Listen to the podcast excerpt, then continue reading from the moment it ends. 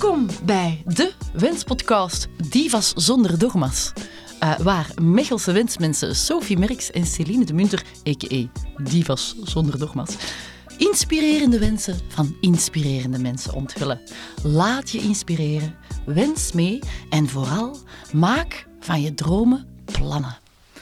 Vandaag verwelkomen wij om onze zeer ruime ronde tafel een zeer gewenste gast voor divas die de jaren 90 in al haar muzikale en andere glorie waarderen. Van de radio's tot het Peulengaleis. Een licht nostalgische glimlach weet hij misschien ook op uw gezicht te toveren. Hij lijkt zoeter dan zoet en weet hoe. Na, na, na. Zingen moet met veel liefde voor muziek naar onze Mechelse studioboot gekomen. Ronnie Mossuze. Dank u voor een verwelkoming. Mhm. Welkom, Ronnie. Om ons vandaag vanuit het genees zo verre wijgmaal is het geworden te woord te staan. Hoe ben jij eigenlijk in de Mechelse regio terechtgekomen? Oh, wel, ik uh, heb uh, tamelijk lang in uh, Hofstade gewoond, bij Mechelen. Um, goh, hoe ben ik daar terechtgekomen? Goeie vraag. Um, ik, oorspronkelijk kom ik uit Antwerpen. Dat hoor je misschien nog soms wel.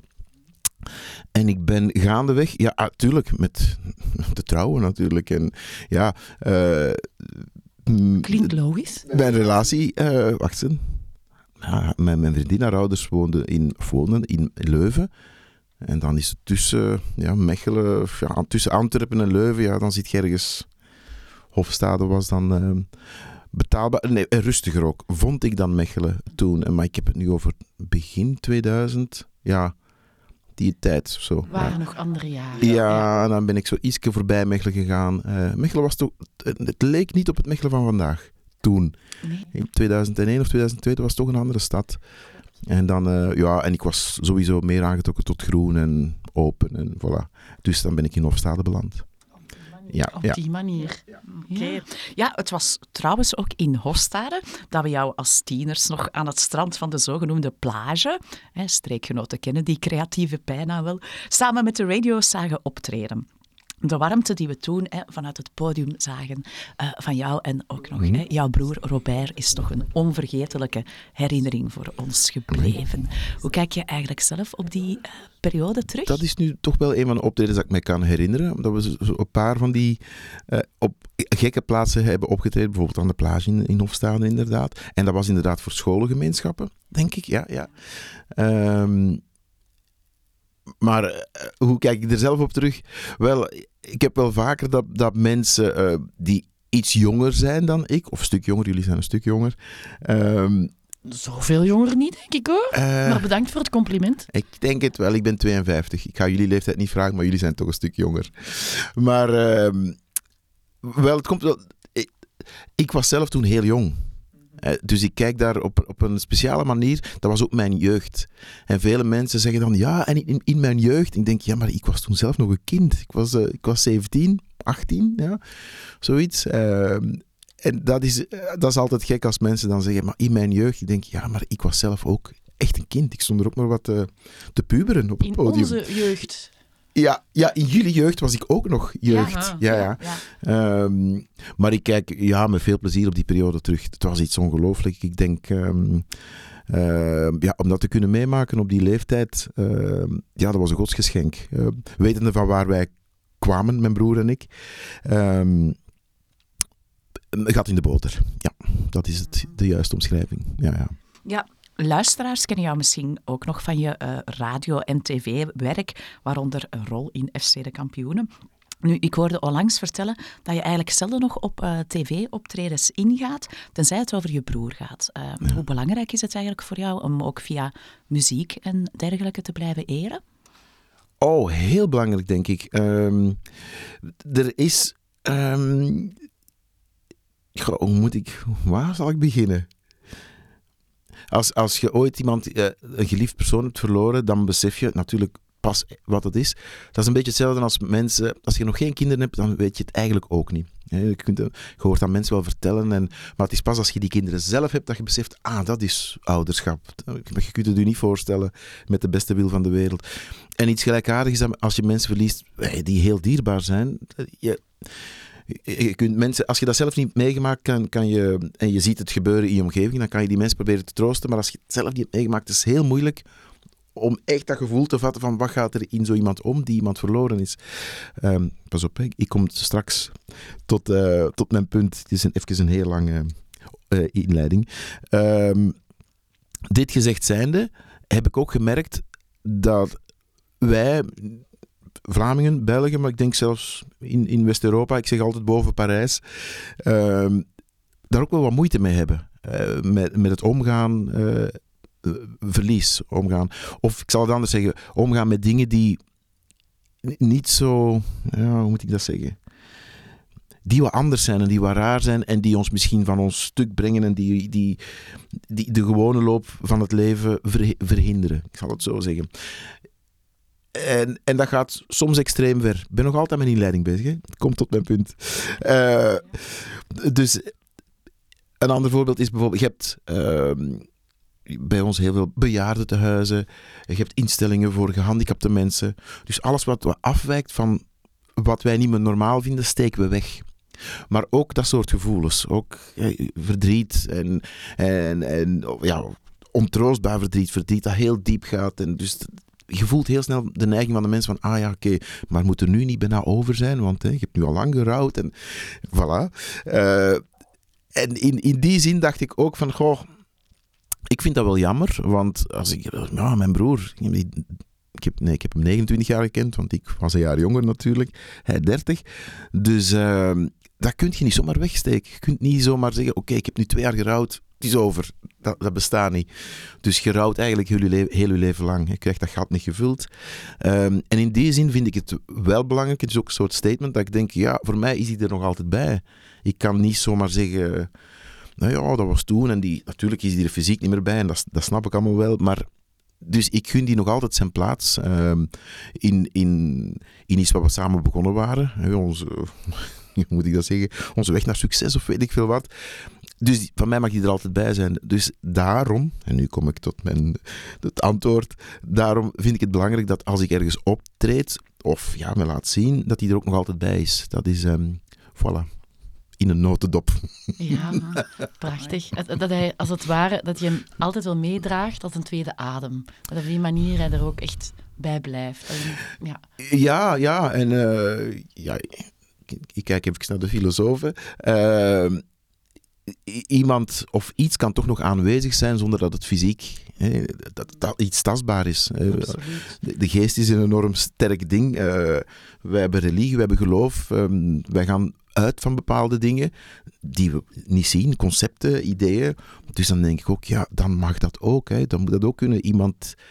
Uh, allez, ik, ik heb het idee dat, dat beschavingen lang geleden, of misschien niet in het Westen, want ik heb er ook niet zo'n goede kijken, maar dat die er beter mee omgaan met wat ze dan geesten noemen. Of, de dood. En, ja, of, of mensen die er niet meer zijn, maar de geest blijft nog hangen. Of, of, ja. En je kunt het ook niet gewoon uit je lijf krijgen. Dat is wat ik bedoel, wat ik gewoon meemaak.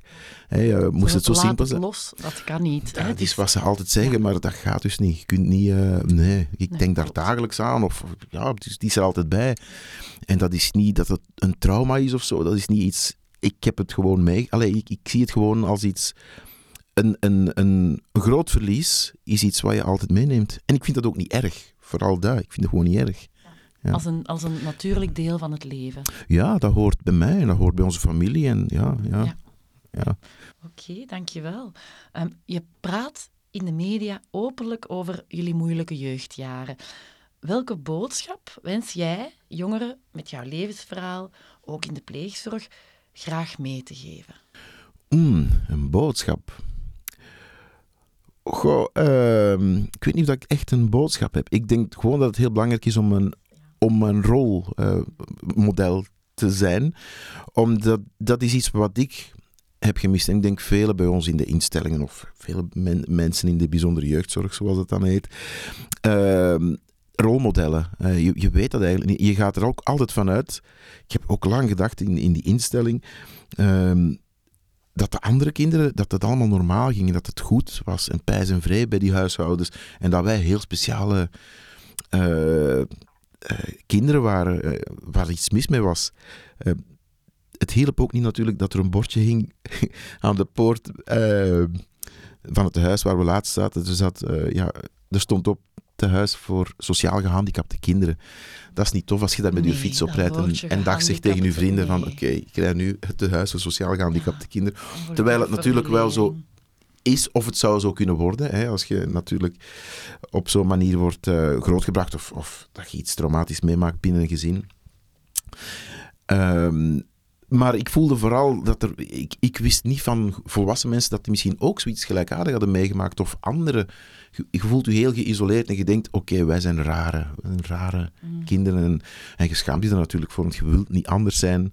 Ehm, dus dat is iets wat ik heel hard gemist heb. En ik denk, goh, met het ouder worden zag ik ook, maar wacht eens even, in mijn klas zijn er ook kinderen met eh, alleenstaande ouders en ook gescheiden en die hebben ook stiefzussen. En, maar dat was pas later dat ik dat door had. Ehm, alleen zaten die natuurlijk niet in het huis of weet ik veel wat, maar het was daar ook niet pijs en vrij. Het was ook niet, en dat ideaal gezin of zo, dat bestond niet. Ehm, het is pas later dat ik dat begon te beseffen. En het is iets gewoon dat ik wil meegeven dat ja, mensen die uit een ongelukkige, of, eh, in, een ongelukkige gezi- gezinssituatie terechtkomen, dat zijn dingen die gebeuren. Dat is niks abnormaal, dat is niet iets raar. Maar het is wel typisch westers weer al, dat is mijn stokpaardje, dat we die, dat, dat soort dingen wegsteken in een tehuis. En kinderen waar iets mee mis is, of kinderen die moeilijk hanteerbaar zijn, die steken we weg in een instelling. En, en ik vind dat geen goede manier. Ik denk, ja, het is allemaal normaal en hou het binnen eh, de samenleving, de gewone samenleving. En dat gaat veel gemakkelijker gaan, denk ik. Ja, Ik ben daar mee van overtuigd. Ja, ja. Donnie. ja absoluut. Oké. Vanuit het werk dat ik zie in het CLB ook. hè. Het gaat net om die verbondenheid. Ja. En dat terugspiegelen Mhm. naar de kinderen, dat geeft hen veel meer eh, Ja. richting. En, en, en dat zelfvertrouwen komt dan terug. En dan gaat dat gedrag ook beter. Ja, ja, een- een verbondenheid is zeker een, een sleutelwoord daar. In Want de meeste gevallen alleszins. Ja, ja, ja tuurlijk. Ja, er zijn, er zijn ja. extreme gevallen. Maar ik, ik- vaak, ehm, ja, nogmaals, ik spreek vanuit mijn ervaring in ons tehuis, maar ik, ik denk dat ik wel kan praten over vele kinderen die in tehuis hebben gezeten, dat je die verbondenheid kwijtgeraakt. Hè? Heel snel. Je voelde je heel snel een outsider en dan mocht je nog... Ik heb het altijd gezegd, dat dak boven ons hoofd en dat wij altijd fatsoenlijk eten kregen en zo, dat maakte eigenlijk allemaal niet uit. We hadden gerust zonder eten en zonder een dak boven ons hoofd, als we maar de connectie hadden gehad met de gewone wereld. Mhm. hè, met de, ja, dat was veel belangrijker geweest, denk ik. En dat is om een of andere reden iets wat de overheidsinstanties denken van nee, stik die weg, maar wel in een goede instelling met. Hè, dat ze een eigen pingpongtafel hebben en een eigen bos. En een, maar dat Klopt, wou wij dat is allemaal niet de niet. essentie. Maar nee, Ja, tuurlijk niet. ja. Wij wou gewoon met de andere kinderen Ja. spelen en gewoon gewone dingen doen. Ja. Ja. Mhm. Voilà. Mooie boodschap. Ik ben blij dat je die hier ook brengt. Ja. Eh, Bart Peters was de man die Robert en jou op aanraden van Hugo Matthijssen muzikaal onder zijn vleugels nam. Stel dat je Bart en Hugo nooit had ontmoet.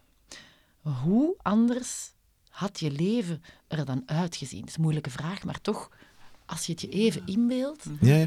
Eh, ik vind het niet zo'n moeilijke vraag. Eh, Nee, dat valt goed mee dan. Of had je moeite om ze in te ty- typen? Of wat bedoel je? Nee, nee. nee ehm, ik denk dat mijn leven niet heel veel anders er had uitgezien. Ik wist al vrij jong, en mijn broer ook, ehm, dat muziek maken iets heel belangrijk was voor ons. We konden dat nu toevallig. Enfin, dat is genetisch dan, of, dat is uw talent, weet ik veel wat. Ehm, maar het, we voelden ook al heel snel dat het een uitweg was uit de vicieuze cirkel die we al zagen naderen.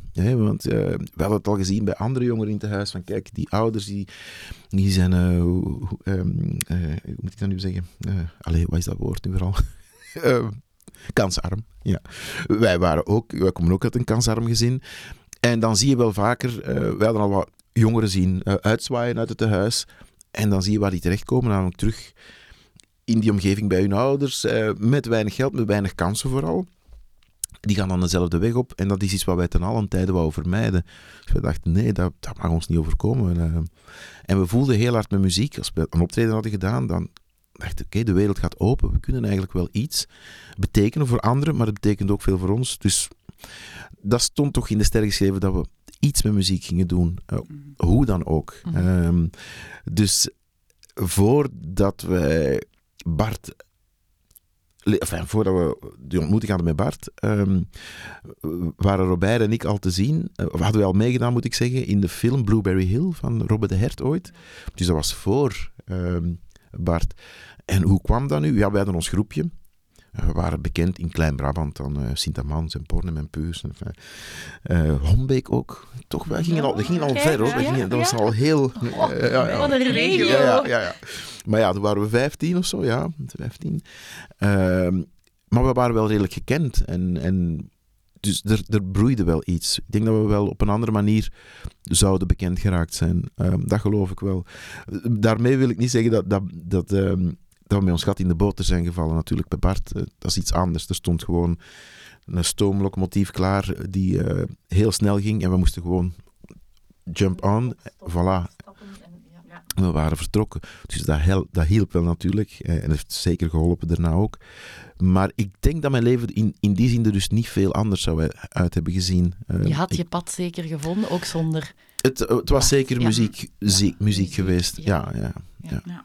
Ja. Oké. Okay. Ja, samen met uh, Bart en Hugo speel je als de toch lichtgelovige Sylvain met het afrokapsel in het Peulengaleis mee. Hebben wij met dat Canvas-programma toch een beet afgelachen, ja? Mm. Een hammerkan, ja, ja. een battlekan. Ja, ja. ja, je ziet, dat werkt dus nog altijd. Uh, wat is nu eigenlijk, uh, of ja, was of is volgens jou het geheim achter het Peulengaleis? Tell us the secret. Hmm, wat is het geheim?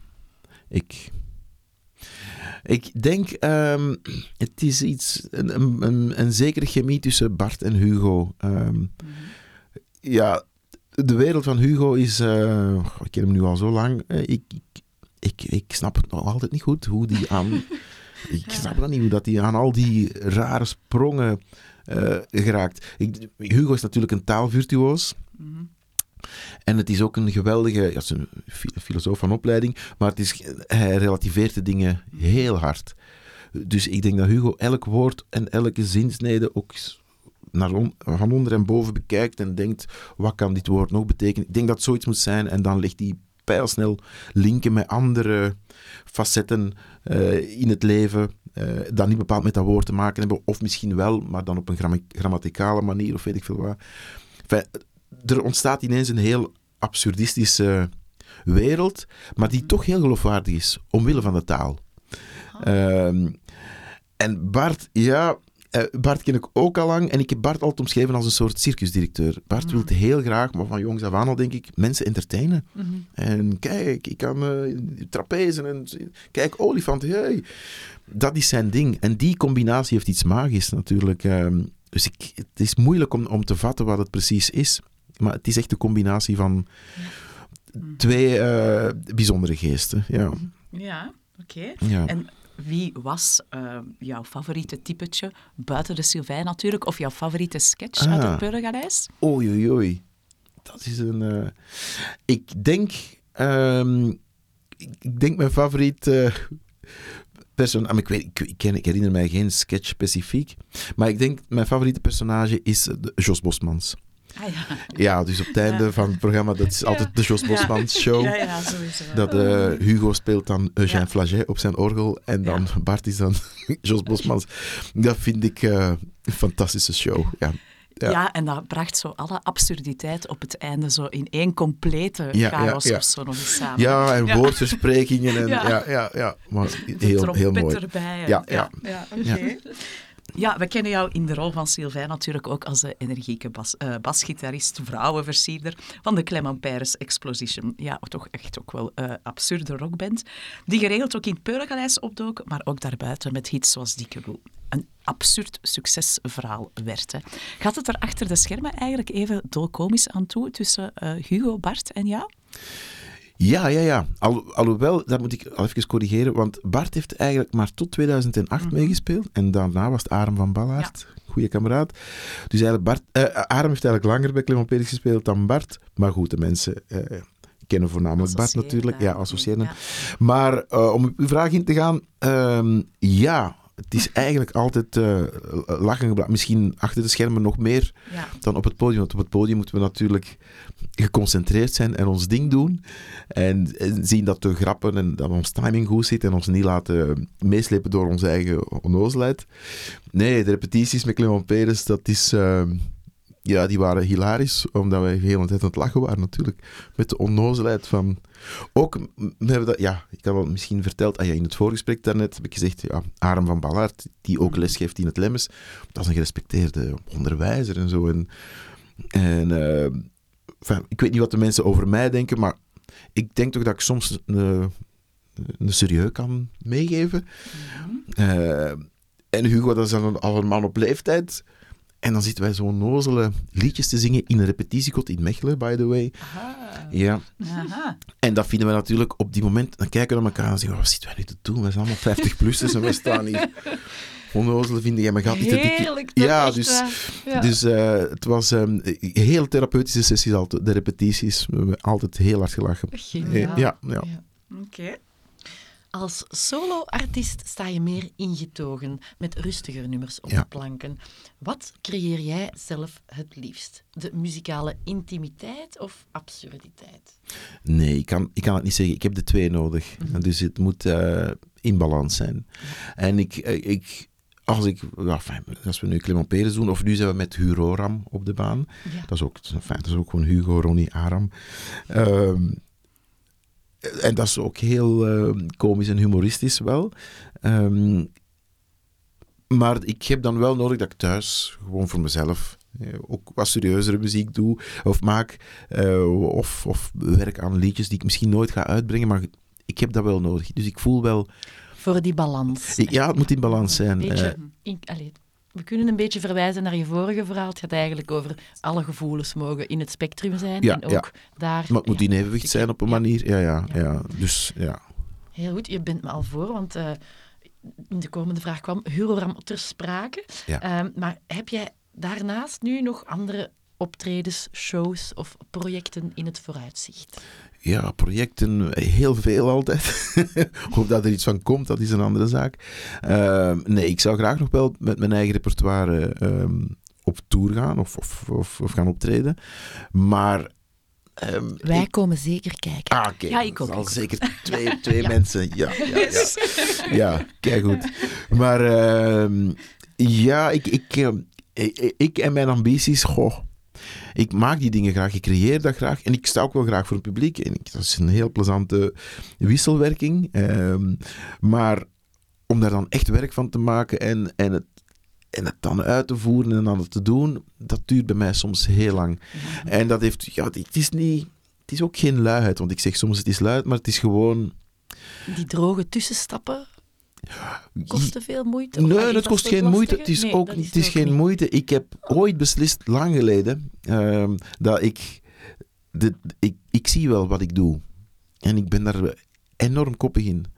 Dus ik kan dan wel een pad uitstippelen en zeggen, dat is mijn plan. Maar als ik die een dag zelf denk, nee, ik kan mijn plan toch wijzigen, dan doe ik dat ook gewoon. Ja.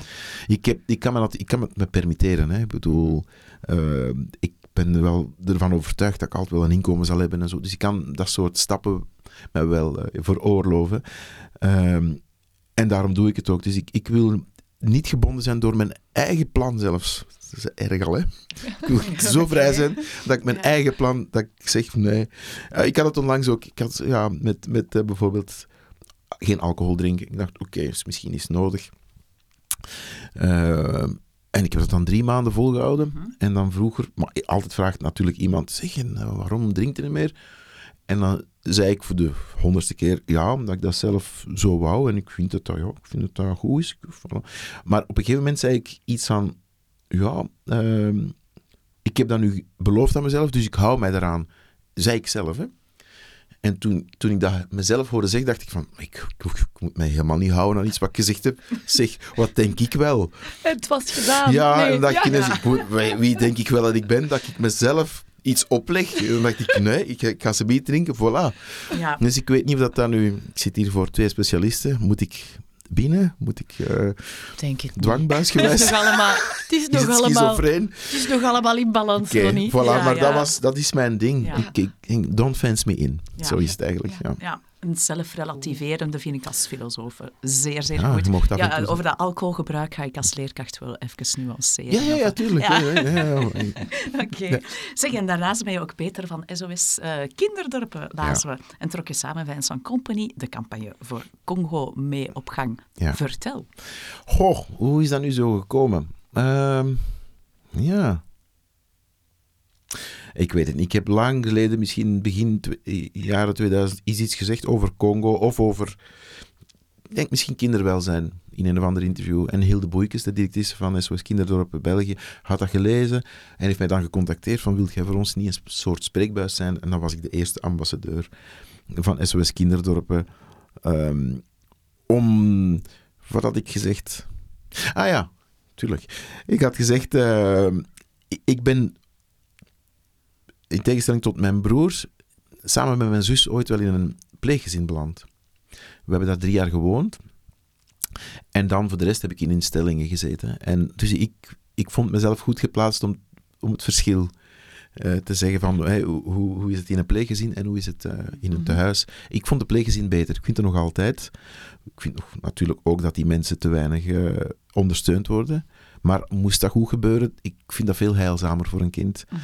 Ehm, en dat had ik gezegd. Eh, en ook het feit dat ik vind dat eh, broers en zussen zoveel mogelijk, of zo, als het kan, dicht bij elkaar moeten blijven en samen moeten blijven.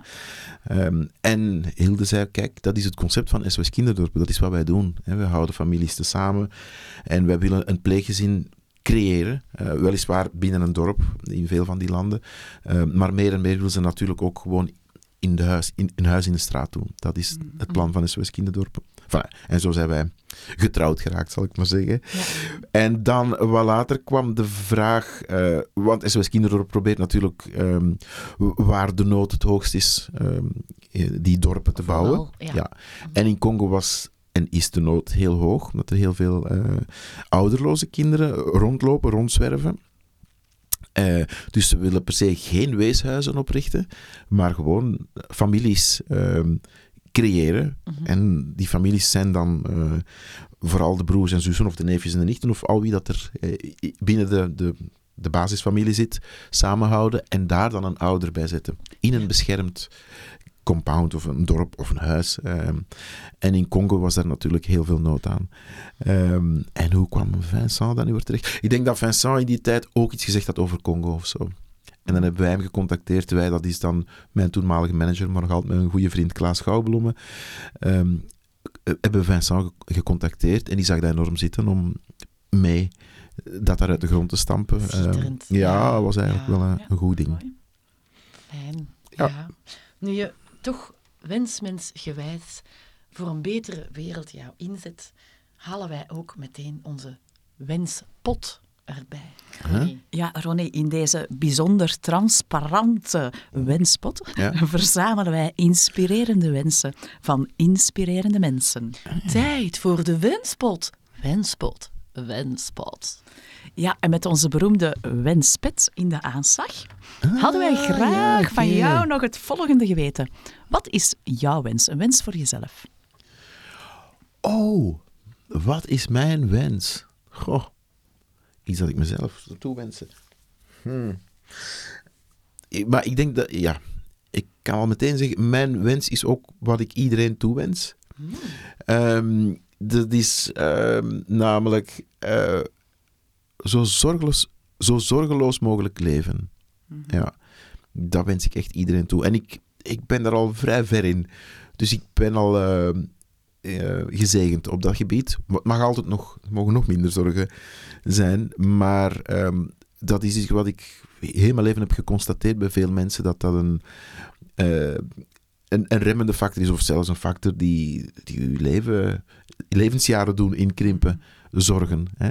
Ehm, dus dat is iets wat ik mezelf natuurlijk toewens, maar ook iedereen. Oké. Ook jullie. Dank je. Dank je wel, Ronnie. Oké. Dat appreciëren wij. Zeker, zeker. Wat wens je anderen toe? Dat heb je dus al gezegd. Ja. Maar nu we toch bezig zijn, een wens voor de wereld er ineens bij. Ehm, ja, een wens voor de wereld. Goh. Ook heel moeilijk. Ik denk eh, dat ik iedereen de, de tijd wens te geven ehm, om, ehm, zal ik, om de dingen beter te begrijpen. Dus ik kan het ook anders zeggen. Ik wens iedereen goed onderwijs toe. Ik vind dat heel belangrijk, hè, dat mensen goed onderricht krijgen, kinderen, iedereen eigenlijk, hè, ook oudere mensen, het maakt niet uit. Ik denk dat dat een, een, een geweldig, ehm, een geweldig krachtig ding is ehm, om elkaar beter te, te leren begrijpen. Het is echt niet zo moeilijk. Ehm, ik bedoel, de wereld zit niet zo ingewikkeld in elkaar. Er zijn natuurlijk dingen die we niet begrijpen, oneindigheid en, en waar komen we vandaan en waar gaan we naartoe. Ja, voilà. Ehm, maar het samenleven op zich, dat is eigenlijk niet zo heel eh, moeilijk. Ik heb het geluk gehad dat ik al in veel plaatsen in de wereld eh, ben kunnen komen en heel veel mensen gezien en een andere samenlevingen en andere culturen. En dan merk je toch altijd weer hetzelfde. Dat mensen ehm, vo- voornamelijk proberen af te rekenen met hun angsten. Angst voor het andere, angst voor de dood, angst voor... ehm, maar iedereen heeft diezelfde angst. Ied- elke cultuur, er is geen verschil. Dat is basis mens. En als je dan nog wat verder gaat en je kijkt naar de planten en de dieren, merk je dat dat ook zo is. Dat alles wat wij... veel van die dingen die wij... eh, eh, wezens, hè, eh, entiteiten... ehm, die hebben allemaal dezelfde overlevingsdrang. En, dus er is iets heel basis wat we delen. En we kunnen er toch voorlopig niet af van de aarde. Dus ik denk, ja, als iedereen dan nu beseft dat het niet zo moeilijk is, ja, dan denk ik dat het leven veel aangenamer zou zijn voor iedereen. Ik- Ik besef ook dat het nog heel lang zou duren, eer dat we zo, zover zijn. Maar voor mij zit het dus e- e- een, een, een oplossing in, in ja, onderwijs, opvoeding, maar vooral het, het- het leren. Het, eh, en daar is Ja. tijd voor nodig. Voor mij mag dat op het gemak ook. Hè. Ik ben ook voorstander van minder te werken en meer te leren. Maar werken is, ik denk, ja, Ja.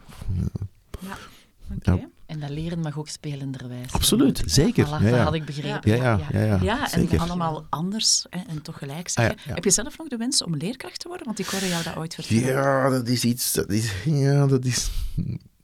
Ik denk dat nog dagelijks zal- Ja, dagelijks. Ja, dat wil wel ja. iets zeggen. Ik weet het, ik weet het. En even met, met de corona dacht ik van, goh, weet je, in, in onze stijl, dat is ook niet simpel, want wij hangen af van het publiek. En als er ja, publieke bijeenkomsten verboden worden, dan is er niks voor ons. Hè. En dat was ook wel twee jaar, vooral voor collega's, veel collega's toch heel moeilijk. Dan heb ik dat toch even overwogen en van alles opgezocht. En dacht ik, ja, hm, ik weet het niet goed. Ik denk soms met mijn goede vriend Aram eh, van Ballaert, eh, moeten we zelf iets oprichten. Misschien moeten we een eigen systeem vinden. Ik, ik kijk heel vaak naar de eh, onderwijssystemen in Noord-Europa dan, waar ik toch wel fan Mhm. van ben. Scandinavië meer. Voilà, Mhm. Scandinavische landen, toch wel een ander soort manier van onderwijzen. Ja, of, of digitaal leren, of weet ik veel. Fijn, er zijn dan van alle manieren. Maar zo zelf in het reguliere onderwijs stappen, ik, ik weet het niet. Ik, het, is, het is nog iets dat mij Mhm. knaagt aan mij. Ja, Mhm. Ja, ik denk dat u dat goed zou doen. Maar dit Ja. geheel terzijde. ja, ja. ja. Ik ben daarvan overtuigd. Ronnie, een kleine wens van de buitenwereld tussendoor. Wil je alsjeblieft, please, bitte dankeschön, por favor. Het refrein When She Goes Na Na Na Na voor alle bevriende divas uit Mechelen en omstreken zingen. Oh, Het is voor andere divas. Niet voor ons, hè? Niet voor ons. Ik, ik, Een klein beetje, oké. ah, straf zeg. Allee, mag Ik zal, Ja. ik zal de Voilà. karaoke vastnemen, hè. Ja. Het refrein had je gezegd, hè. ja, dat is goed, hè? Kies maar, hè? Oei, mijn bril. Wat is de tekst nu weer? Het was iets met na, na, na, na. Ja, ja, ja.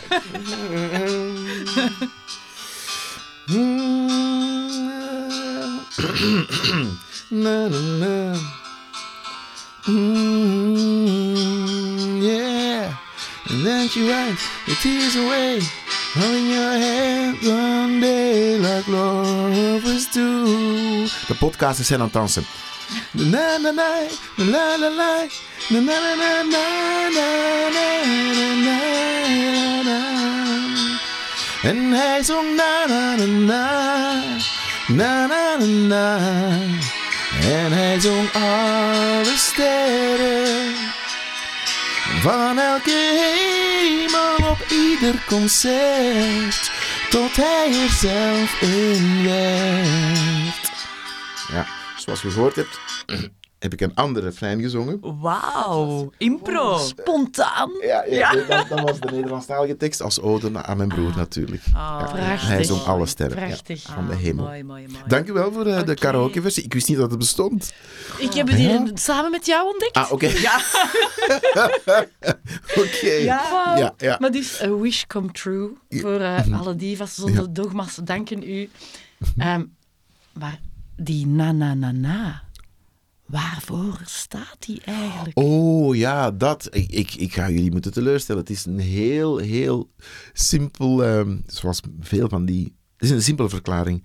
Eh, Bart en ik waren dat nummer aan het maken bij hem op, op zijn kamer, zijn slaapkamer in Boeghout. En eh, we hadden al veel gevonden. We stonden onder, een so- soort, we stonden onder een soort tijdsdruk. Dus dat, moest, dat nummer moest klaar en de platenfirma was aan het zagen en we moeten een single hebben. En we dachten, oké, dit hebben we al en de rest zullen we later wel invullen. En dat was dan... en- en die na, na, na, na, na. Maar dat gingen we later nog doen.